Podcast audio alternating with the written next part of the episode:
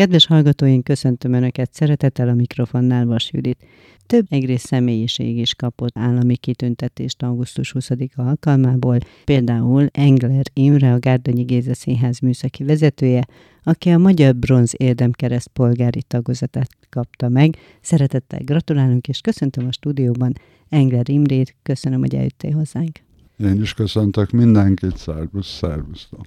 Ha megengedik, mindenki Jimmynek hívja, én is így fogom majd a beszélgetés közben, hogyha ez nem gond. Neked gondolom nem.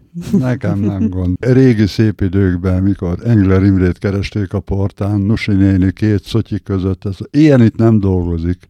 Aztán jött valaki, és azt mondta, hogy hát Jimmy-t keresik Nusi néni. Jaj, Jimmy-t? Hát ő itt dolgozik valóban. Akkor meséld már el nekem, hogy ez hogy rakad rád, ez a becenév? Fogalmam nincs. Imi, hát? Jimmy. Tehát nem is emlékszel, kicsit, hogy... kicsit göndör volt a hajam, és uh, nem a Zambó Jimmyről szólt, hanem a Jimi Hendrixről, mert inkább az ő világa állt közelebb hozzám. Aztán egyszer, mikor uh, szegény Zambó Jimmy átlépett a túlvilágra, az egyik kollega bejött a büfébe, hallottátok? Meg, meghal, meghalt a Jimmy, ne hőskedj, Jimmy meghalt. Nem az a Jimmy, te, a Zámbó. Jaj, jó van akkor. De nem is emlékszel arra, vagy nem tudsz így visszaidézni, hogy körülbelül mióta vagy te Jimmy mégis? Hát 88-ban kezdtem a színházba, szerintem egy két éven belül már Jimmy voltam. Aztán ez így is maradt. De majd erre visszatérünk, hogy mert ezt tudjuk ugye, hogy mióta van, hiszen nemrég volt a 35. éved itt a színházban, erről majd beszélünk a kezdetekről is. Most arra lennék kíváncsi, hogy hogy érintett téged ez a díj? Hát először is meglepett, mert nem, nem számítottam rá. Tehát szerintem nem az a réteg vagyunk, akiket így nagyon-nagyon díjaznak. És meglepődtem, meg végül is hát örültem neki. Végülis, hogyha ezt az évet sikerül befejezni, akkor 36 évet már lenyomtam a színházba. És azért ez, ez szerintem a mai világban már nem kis teljesítmény. Tehát már nem abban a korba élünk, mint régen, hogy teljes generációk dolgoztak egy-egy munkahelyen, apák, anyák vitték fiúkat, lányukat az adott munkahelyre. Itt Egerben nagyon jó példa volt, például a dohánygyár, ahová egy család több generációja dolgozott a gyárba, mert a, a szülők bevitték a gyerekeket. És akkor ott belépett a munkahelyére, és ott lenyomta az egész életét, míg nyugdíjban nem ment. Mondjuk nekem nem ez volt a motivációm, hanem, hanem az a szerencsés ember vagyok, aki, aki szereti azt, amit csinál még ha nincs is. Sokszor nincs megfizetve, nem azt mondom, hogy semmibe se nézik, hanem nem tudják, hogy mi történik tulajdonképpen ott a színfalak mögött. Vagy mitől lesz, úgy elgondolkodtam, hogy a gyerekkorom óta járok színházba, volt bérletünk a családdal, és soha eszembe nem jutott, hogy mitől van az egyik felvonásban ilyen díszlet, a másik felvonásban olyan díszlet hogy az mitől fordult meg, mitől, mitől lesz más, ez soha eszembe nem jutott. És szerintem a nézők nagy részének ma sem. Tehát ez egy ilyen... Igen, úgy valahogy a műszaki hátterén nem gondolkodnak, hogy nem. valójában hány ember munkája van benne, Igen. mit csinálnak ott, mitől születik meg az, amit látnak, hanem maga a színészi teljesítmény és a rendezői teljesítmény. Igen, az, ami... át, általában ez az, és tulajdonképpen az a háttérmunkával, már pedig egy-egy előadáshoz díszlettől, hangtechnikától, lámpapartól függően akár előfordul, hogy több ember dolgozik a háttérben, mint ahányan színpadon vannak. No, menjünk akkor vissza de 36 évvel ezelőttig. Gondolom, ezek szerint valamilyen műszaki jellegű iskolában végeztél. Hol végezted az iskoláidat, és majd elmondod azt is, leszámítva azt, hogy vonzódtál, jártál, szerettél színházba járni, mégis hogy kötöttél ki a Gárdonyi Géza színházban? Hú, ez egy nagyon hosszú történet. Van időnk. ja, hála Istennek. Tehát tulajdonképpen én a Szilágy gimnáziumba érettségéztem 1980-ban, és hát ugye annak idején nem volt ilyen könnyű egyetemre, főiskolára bekerülni, és hát nem voltam elég bátor, hogy jelentkezzek bárhová is. Fizika érdekelt, matek érdekelt, hát mondom, akkor megpróbálkozom egy ilyennel, hogy elektronikai műszerész, itt a 212-es szakmunkás képzőben volt egy ilyen képzés, ahová csak érettségizetteket vettek föl, orvosi műszerész, rádió-tévé műszerész, illetve elektronikai műszerész, egy elektronikai műszerésznek tanultam, Vilatiba jártam gyakorlatra, meg amúgy is ilyen barkácsolós ember voltam világ életemben, elég hamar rájöttem, hogy ez, ez engem úgy Isten igazából nem érdekel, akkor is jártam már sokfelé, volt egy annak idején népszerű egri diszkós mellett dolgoztam ilyen rótként, ilyen kipakolok, bepakolok, összerakom a cuccot, szétszedem a cuccot, berakom az autóba, mentünk itt Szihalom, Szilvásvárad, Bélapátfalva, még a néhai kazamata pince helységbe csináltunk diszkókat, és hát így kicsit bekerültem ebbe a vendéglátós körbe, körbe megfordult a fejembe, hogy végül is én imádok olvasni, szeretem az irodalmat, akkor még az is megfordult a fejembe, hogy na, mégis csak jelentkezek én főiskolára, elmentem a magyar tanárnőmhöz, hogy mit szól ehhez, hogyha én lennék ilyen népművelő. Aztán azt mondta, hogy hát, olyan nagyon nehéz lesz felkészíteni, úgyhogy most ő ezt nem javasolná, ha még későbbiekben is úgy gondolom, ezt fejezzem be, akkor áll rendelkezésemre. Innentől kezdve tovább jutottunk, ezt az iskolát befejeztem, belvittek katonának, leszereltem, de közben már a Széchenyi utcán át egy ilyen szórakozó hely, hogy drinkbar. És hát ott ugye az volt a 80-as évek eleje, bejött a videomagnó korszak, és a drinkbárba ugye bizonyos napokon, este 10 óra után volt ilyen videóvetítések. Tehát egy-egy filmet videóról benyomtak, és akkor szedtek ott valami kis belépődíjat. És akkor ott ismertem a vezetőt, és akkor, hogy menjek én el hozzám, szép nagy darab ember vagyok, menjek el jegyszedőnek. Hát jó, elmentem jegyszedőnek, ilyen kis plusz kereset kiegészítésként, mert ugye a fizetés az nem volt sok, és akkor így bekerültem a vendéglátóiparba. Hát ott sokan voltak mindig rengetegen, hogyha nem jöttek éppen befelé, akkor bementem segíteni a pultba, italt töltöttem, kólát bontottam, stb. stb. Aztán egyszer csak oda jutottunk, ez már katonaság után volt, oda jutottunk, hogy hát jó, nincs kedved ide jönni dolgozni hát mondom, végül is megpróbálkozhatom vele. Úgyhogy elmentem ilyen pultos felszolgálónak a drinkbárba, ott legyűrtem 85-től 87 végéig. És hát ide járt be, néha kávézni, vagy meginni egy pohár valamit a színházunk akkori művészeti főtitkára, a Ivádiné Évike, és délután jött kávézni, akkor úgy pihi volt, nem volt vendég, és beszélgettünk. Csak azt mondja nekem, hogy nem akar maga eljönni a színházba dolgozni. Ez most indul a színház, ott keresnek mindenféle embereket. Hát mondom, végül is a szakmámból elektronikai műszerész vagyok, on akár a világítás, akár a hangosítás még érdekelhetne is. Aztán álmom végül is az volt, hogy majd nyitok egy saját üzletet, de hát itt is azért a vendéglátóiparban annó úgy lehetett pénzt keresni, ha az ember lehúzta, különösen a nyugati vendéget. Én meg rájöttem, hogy én ehhez túlbecsületes vagyok. Tehát én nem tudtam még belekarcolni a számlába még 20 forintot, még 100 forintot, még egyebet, már pedig keresni így lehetett.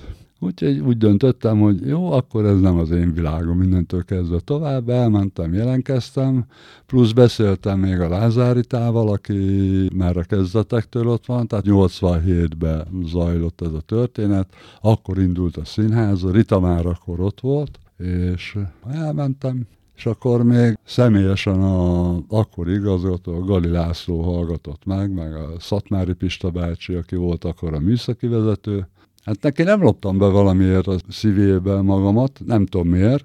Utána is még évekig mondta, hogy Sanyi, szóljon a pincérnek, hogy azt nem úgy kell csinálni. A pincér az én voltam, a Sanyi pedig a Mészáros Sanyi, Isten nyugosztalja, akit az idén temettünk el, sajnos.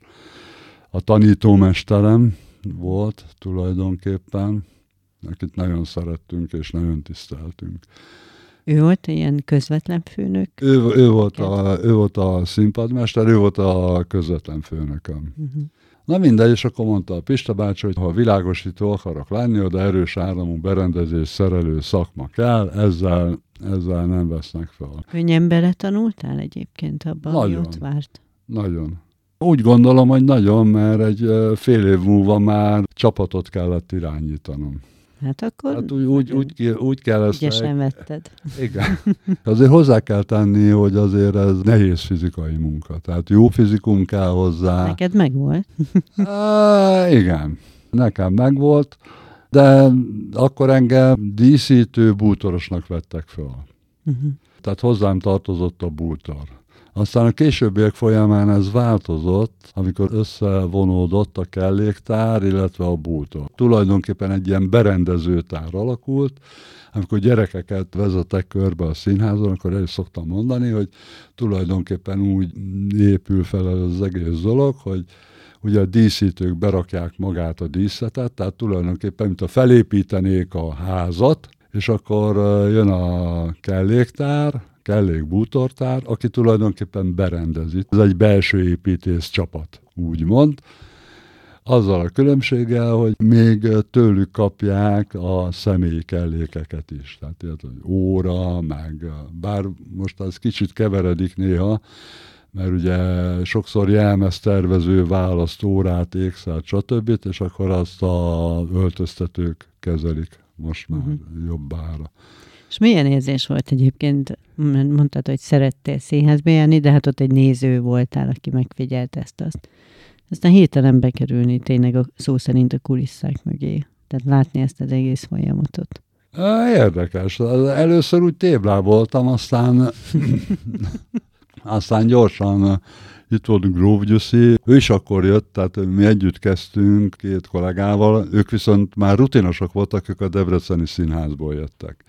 Ugye Gyuszi volt elődöm is, mint műszaki vezető, tehát ő zsinóros volt Debrecenbe. Zsinórosság az az, amikor a bekötött díszletelemeket mozgatják. Tehát ő zsinóron volt, és akkor hát ő segített nagyon sokat nekem. Délutánonként, mikor volt egy kis szabadidőnk, és éppen nem futottunk haza, akkor ő mondta, na gyere, azt mondja, tanuljunk meg falat vinni. Ugye hát amikor meg, meglát az ember egy ilyen másfél méter széles, 5-6 méter magas falat, aminek a tetején ablak van, alul egy léckeret, ez a Charlie Nénye című darabba volt a fal, ez volt az első bemutatóm, 88. január 10-20 valahanyadikán volt, nem tudom pontosan, ez volt az első darabom, amit én bútoroztam, illetve komik kellékezni, nem én bútoroztam nem egy díszítés voltam, mondom, ezt meg kell tanulni, hogy hogy kell vinni ezeket a falakat magabiztosan. És akkor délutánonként ott a hátsó színpadon ott szépen szaladoztunk ezekkel a falakkal. Hol az egyikkel, hol a másikkal. Mikor lettél műszaki vezető? 2014, azt hiszem, tehát jövőre lesz talán tíz éve, uh-huh. ha jól emlékszem, de ezek úgy folynak össze már egyre inkább. Hát ebben a 36 évben összefolynak. Igen, igen. Most elmondtál már egy-két dolgot, de konkrétan mi tartozik a te kezed alá? Tehát mit felügyezte a színházban? Hát tulajdonképpen a, a színpad rész, tehát ami a színpadhoz, illetve a díszletgyártáshoz tartozik. Tehát az előadásokhoz ugye hat tár van, aki a színpaddal foglalkozik, ugye a díszítők, akik beépítik a díszletet.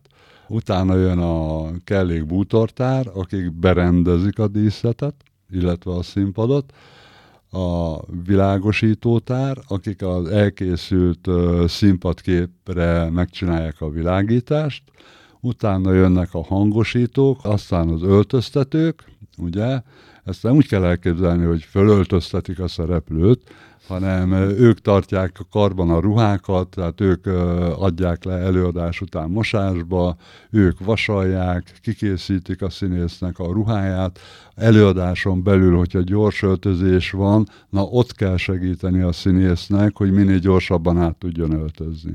Illetve a fodrászok. Ez, ez a hat úgymond színpadi tár, azt mondja, hozzám tartoznak még a nézőtéri dolgozók, tehát a ruhatárosok, a beengedők, aztán így félig meddig a gondnokság, bár ebben, tehát van maga a házfenntartás, de ebbe csak ilyen konzultánsi szerepbe vagyok, mert ott a gondnok úr intézi a dolgokat leginkább. Illetve a műhelyház, ahol elkészülnek az előadásokhoz a díszletek. Hát nagyon sok terület, nagyon sok izgalmas részt tartozik Igen, hozzá. és még emellé, ugye, amikor megjön egy tervező, hozza a díszletterveket, a rajzokat, és akkor azt át kell beszéljük a műhelyes szakemberekkel, lakatossal, asztalossal, egyebekkel együtt, hogy hogy készül, miből készül, utána van a tervelfogadáson, hogy egyáltalán mennyi pénz van egy-egy darabra, innentől kezdve jön az, hogy menjünk a raktárba túrni, keresni, hogy mit, miből lehet megcsinálni, ugye, mert úgy elszaladtak az anyagárak, akár a vas, akár a fának az ára, a anyagoknak az ára, hogy egyszerűen félelmetes. Uh-huh. Melyik részét szereted a folyamatnak az első lépéstől? Tehát melyik az a rész, ami téged leginkább Most vagy meg, régen? megmozgat? Ja, van különbség? Van, rengeteg. hát akkor először rengeteg. nézzük, hogy régen melyik volt az. Régen én a, a berendezést imádtam. Mert? Mert az olyan kreatív volt. Én nagyon sokat tanultam a Csík György tervezőtől, aki nem Jimmynek, hanem Pumuklinak hívott. Ugye? Ezt nem kérdezem meg miért. hát, jó. Mindegy, én voltam a Pumukli, és tehát tőle nagyon sokat tanultam, tehát ő nagyon sokat segített abba a látásmódba, a szemléletbe. Miket kell figyelembe venni egy-egy előadásnak a berendezésénél. És tehát azt nagyon imádtam. Szegvári Menyhért volt egy olyan rendező, amikor tudta, hogy valami bonyolult dolog fog készülni a darabjába, azt már tudta hónapokkal előtte. Mielőtt még az olvasópróba meg lett volna, és akkor elmondta, hogy figyelj, ezt akarom. Gondolkodj rajta, nem tudom, hogy csinálod meg, de ez nekem így legyen. De ez neked tetszett, nem? Ez a ezt szabadság. imádtam. Ezt imádtam. Uh-huh. Tehát az, meg hogy... az, hogy ennyire kreatívan igen, dolgozni. Igen, igen. Tulajdonképpen ezért szerettem bele ebbe az egészbe. Mert még ha nem is kaptál szabad kezet, tulajdonképpen egy munkahelyen dolgozol, de mindig mást és mást és mást csinálsz. Tehát, hogy minden a helyére kerüljön, ott legyen, mert mit tudom én. Tehát, hogyha most egy blőd dolgot mondok, hogyha kellékesként, hogyha éppen le kell szúrni valakit a színpadon, és nincs ott a kés, akkor... Hát ez ciki. A ciki. Igen. Berohasz gyorsan egyel. Hát nem, de azt is valahogy Mint színész, mert majd erről is beszélünk. Jaj, jaj, jaj Színpadon is lehet téged látni. Körülbelül két hete dolgoztam a színházban, amikor azt hiszem Ózdon voltunk tájelőadáson, és akkor éppen elment valami kollega, aki be volt rendezve a darabba, de csak olyan szinten, hogy a Figaro házasságát játszottuk, és ugye a díszítők változtak. Tehát mi változtunk a darabba, tehát be kellett töltözni, sejemharisnya, térnadrág, zsabósink, Atya úristen, hova kerültem. Először csináltam azt a darabot, tehát egyetlen lövésem nem volt, hogy mi a francot kell majd itt csinálni. Minden egyes változás előtt Sanyi elmondta, hogy melyik padot fogod meg, melyiket hova rakod, mit csinálsz, milyen falat fordítasz, és egyebek. Na és akkor szépen bemenni, ez volt a avatásom tulajdonképpen. és ma mi az, amit szeretsz legjobban? Magából a folyamatból. Amikor végigbeszélünk egy darabot az Ezt elején. azt mondod, amikor vége van. Nem, nem, nem, nem, nem. Az, az már ott nem érdekel. Uh-huh. Az már, már elengeded. Ott már el. Tehát ott már el kell engedjem. Nem, az már néha még bele-bele nézegetek előadásokba, amikor már megy, hogy rendben van-e minden, de általában rendben van, mert hál a jó Istennek le is kopogom, hogy van egy olyan színpadmesterünk a színházba, aki maximalista, őrültebb talán, mint én vagyok ebből a szempontból, és benne maximálisan megbízok. Uh-huh. Tehát akkor most az a rész tetszik neked, amikor még úgy átbeszélés alatt van. Átbeszélés, a, gyá- a gyártás, ha valami probléma van, akkor jönni a műhelybe, megbeszélni, amit nem vettünk észre, mikor még, még csak rajzokon szerepeltek a dolgok, vagy mikor összeállítunk egy díszletet, még akkor is derülhetnek ki problémás dolgok, hogy most itt nem lehet kiférni, itt most ez a baj, most nem fér ki, hogyha ezen az ajtón a gyors változásban nem lehet kihozni egy bizonyos bútort, vagy ezen a nyíláson, akkor most mit tudunk csinálni. Most már egyre kevésbé van az, hogy odaengednek, hogy szervezzen meg, mert majd ők csinálják. A gyors a változásokat, átépítéseket, tehát eh, mondjuk teljesen jogos, mert a, a színpadmester, illetve a kelléktárvezető feladata, hogy beosztja az embereket, hogy ki mit csinál egy gyors változásba, ami vagy, vagy úgy van ugye, hogy függöny mögött, ugye, amikor szól valami zene, függöny össze, szét, és akkor látunk egy más színpadképet. Uh-huh. Te is maximalista ember vagy egyébként? Én már nem annyira. Én ez már, már tompul. Már, már, már tompul ez a, ez a része, már hm. tompul. De neked olyan ez a színház egyébként, nem csak azért, mert régóta vagy ott, hanem mert tényleg sokat vagy ott, mint valami második család. Hát, igen.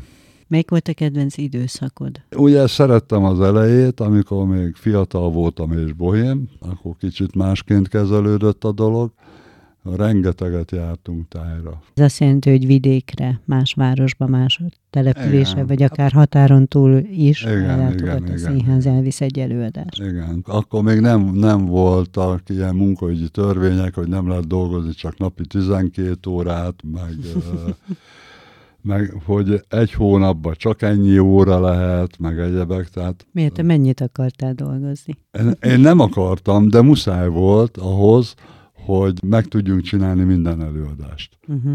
Tehát akkor is egy aránylag kis létszámú színház voltunk, és a itthoni saját előadásainkon túl még rengeteget jártunk, ilyenek Salgótarján, Mátészak, a Dunaújváros, Szászalombatta, Tiszaújváros, Széchény, Gödöllő, Gyöngyös, 60, nem tudom, és egy hónapban a saját előadás, tehát az itthoni előadásainkon kívül alsó hangon négy-öt ilyen volt.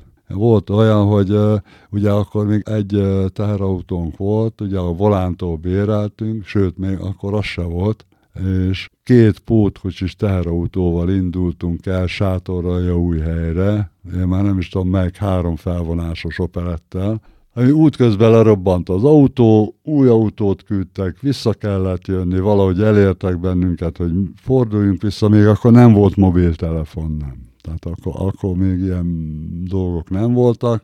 Az volt a jó, hogy még ott mentünk a terrautó mögött, úgyhogy láttuk, hogy lerohadt, jól megállt, miért állt meg, rossz az autó. Ott kerecsend után pakoltuk át az országúton az egyik autóból a másikba. Ez úgy nézett, hogy reggel 6 órakor elkezdtük, itt a fölpakolást, elindultunk, megtörtént az átpakolás, leértünk uh, helyre, lenyomtuk a operettet, elbontottunk, fölpakoltunk, és másnap reggel a kacsa éppen nyitott, és ott kezdtük a következő napot, és mondtuk, hogy hát reggel 10 órás próbára sajnos most nem fogunk uh-huh. tudni bejönni, de délre már akkor is ben voltunk. Uh-huh. Tehát és ez e... volt, bocsánat, ez volt akkor az egyik korszakod, a kedvenc, igen, a fiatal igen, bohémi Igen, igen, igen, tehát az jó volt, aztán a következő az a Csizmadia Tibor idejében volt. Nagyon sok előadás nekem nagyon tetszett ott. Minden, minden időszakban voltak egyébként olyan előadások, tehát van időszakra most azt értem, minden igazgató alatt voltak olyanok. A Csizinél nagyon tetszett a, a főiskolán a nyári színház. Hát olyan színészeket, olyan vendégszínészek voltak, hogy hú, tehát, hogy egy Törőcsik Marival, egy Hauman Péterrel dolgozni, egy Újlaki Dénessel, egy Molnár Piroskával. Szóval akit az ember addig csak tévébe látott, és testközelből ott volt melletted, őt rosszul ez, hogy kiszolgálni, de az ő keze alá dolgoztál. Nagyon jó hangulatúak voltak szintén a Csizmedia időszakban a kisdobótéri nyári előadások fergetegesen jó hangulatúak voltak. A Galilaci idejében is, amikor világítottuk a, az, azt a legendás József és a színes széles vásznú államkabát című előadást. És akkor csináljuk a világítást, csináljuk, csináljuk. Mi az a fény ott? Azt, azt vegyétek onnan ki. Laci, az már a nap. Tehát el, elkezdtük a világítást, mit tudom én, 11 óra éjfél körül, és né, négy óra körül már dőlt mindenki jobbra-balra, és mondom, hogy Laci, kell fel, már, már most nincs értelme világítani. Uh-huh. Tehát azt látni annál az előadásnál, hogy az utolsó előadáson kimegy az igazgató a színpad szélére, és azt mondja, hogy amíg be nem jönnek a főiskola, bocsánat, most már egyetem ablakaiból, mert fürtökbe lógtak az emberek az ablakba, úgy, hogy kiültek, lógott kifelé a lábuk. Sámli egy volt, és szerintem vagy 1500-2000 ember volt a főiskola udvaron. Tehát e- ezek olyan élmények, ami, ami megfizethetetlen. Igen, ez annyira jó hallgatni, hogy nem csak a te területedről volt élmény, tehát hogy benne voltál, létrehoztad ezt az előadást, hanem a hatása is. Tehát, Igen. mintha büszke lennél, az, úgy, úgy hallgatlak most, hogy abszolút büszke voltál a közös munkára, erre Igen. az alkotásra, ami megszületett. Igen. És soha nem vágytál máshová? Tehát nem volt benned olyan, hogy nem csak más színházhoz, lehet, hogy más munkaterületre is. Vagy ez, ezek a bizonyos pozitív dolgok, amikről meséltél, ezek mindig adtak egy olyan löketet, hogy itt maradsz. Az az igazság, ugye azt szokták mondani, hogy hét évente váltani kell, vagy munkahelyet, vagy, vagy, vagy valamit. Nekem, tehát vagy az volt, hogy vagy beosztásba változott valami, vagy éppen igazgatóváltás volt, és azt mindig izgalommal vártuk, hogy na milyen lesz, uh-huh. mi lesz a következő, miben lesz más, mint eddig volt, milyen darabokat fogunk csinálni. Szóval, De mindig volt egy mozgás. Mind, mind, mindig volt. Ugye most az utóbbi időben az, hogy színpadmesterből műszaki vezető lettem, de, de, de most már megint kéne valami váltás, mert már megint eltelt 7-8-9 év, úgyhogy már valaminek mozdulni kell majd hmm. lassan. Hát elszomorítalak, mert nem sokára nyugdíjas leszel. Igen, tudom, tudom, tudom, tudom. Foglalkozol Néha, hát, néha igen. Uh-huh. Néha igen, most már lassan kellene találni valami olyan hobbit, amit nyugdíjasként űz az ember, mert tehát most azért ez elég sok elfoglaltságot jelent, lassan majd valaminek utána kell nézni, de valami olyan dolog, ami manuális. Uh-huh. De egyébként, ha nem a színházban töltöd az időd, akkor mi jót csinálsz? Isten igazából a színházba töltöm az időmet. Néha ráveszem magam, és elmegyek máshová, tudom, egy-egy előadást megnézni, vagy a hugommal társalgódok. Ugye nekem nincs, nincs családom, nem nősültem meg, lehet, hogy ez, ez a színház is belejátszott talán egy picit, nem tudom. Nem volt Ezt rá már idő. hát, azt is lehet mondani. Már pedzegetett tulajdonképpen nekem a színház a családom. Uh-huh. Ez egy jó nagy család, ugye vannak benne rossz gyerekek, jó gyerekek, úgyhogy...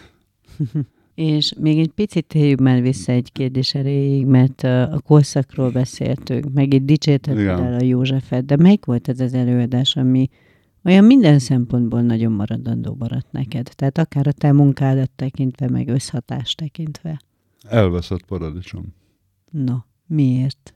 Berendezőtárként csináltam, említett Csík Györgyel a díszetet, a kedvenc rendezőmmel a Szegvári Menyhértel, két nagyon tehetséges fiatal színésszel a főszerepbe, a Kovács Patrícia és az Anger Zsolt. Imádtam, és szerintem egy gyönyörű díszlet volt, egy gyönyörű záróképpel, amikor, tehát ez egy vidéki kúria, ahol a végén, én már nem tudom milyen, nem emlékszem arra a zenére, ami szólt a végén, és leszakad a padlás, és leömlik millió dió a padlásról, az van. Az egy olyan katarzis élmény tudott lenni, egyébként abban is statisztáltam. Igen. Rezét is emlékezetes volt. Az a lényeg, hogy ilyen tapsos kivetelünk volt a Csabával. Uh-huh.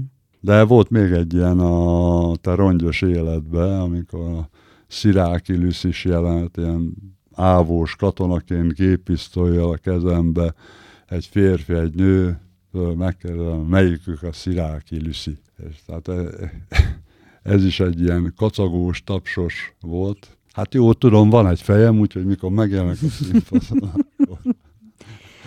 A Szerednyei Béla mondta, őt, őt nagyon régóta ismerem, még gyerekkorunkban a Balatonnál nyaraltunk egyszer-kétszer együtt, és mikor jött ide rendezni az Anna Karaninát, akkor, hát én bár akkor nem találkoztunk, vagy húsz éve, és akkor kérdezem tőlem, megismersz még? Azt mondja, lehet ezt a fejet elfelejteni? Hát, mondom, elhiszem, hogy nem, de hmm. ennyi. Végül is nagyon sok területen dolgoztál, és úgy érzem, vagy úgy gondolom, hogy valójában mindenhol jól érezted, meg jól érzed magad.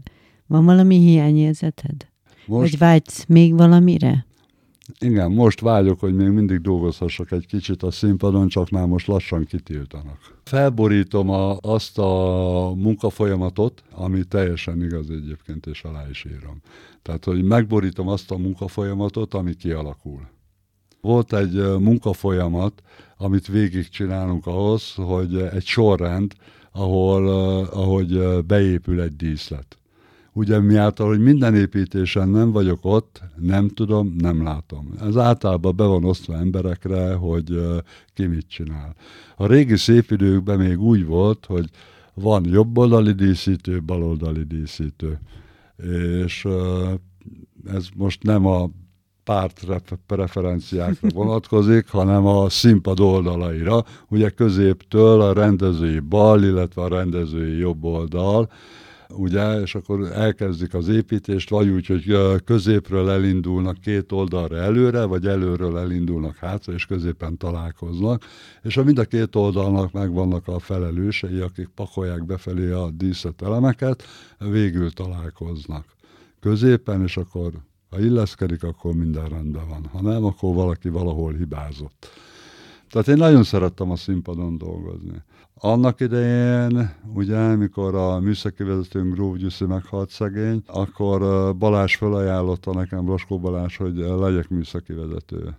De mondtam, hogy nem szeretnék, mert tehát nekem ez az életem, hogy a színpadon ténykedek. Tehát ne, nekem nincsenek ilyen iroda allűrjeim, hogy én most irodába kell, hogy dolgozzak és rajzoljak. Ott is... Nem is nagyon szoktunk benne látni.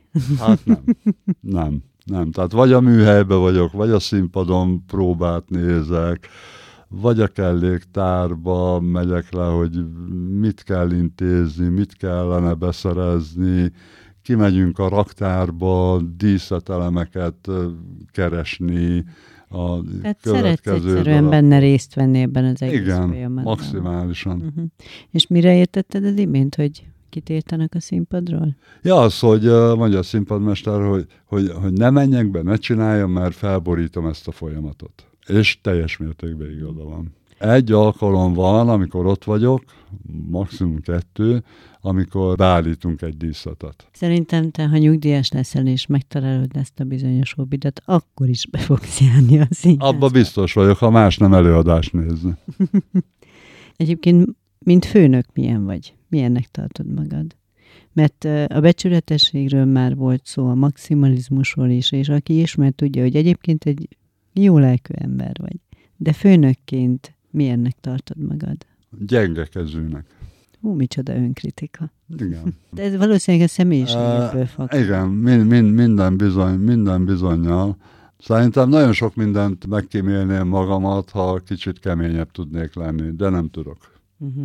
Ilyen vagyok alapvetően. Hát már ne is váltod meg, mert valójában nyilván megkívánná bizonyos helyzet, hogy oda csak, vagy keményebb hangvételű legyen, legyél, de valójában a kollégák is szerintem ilyennek szeretnek, amilyen vagy.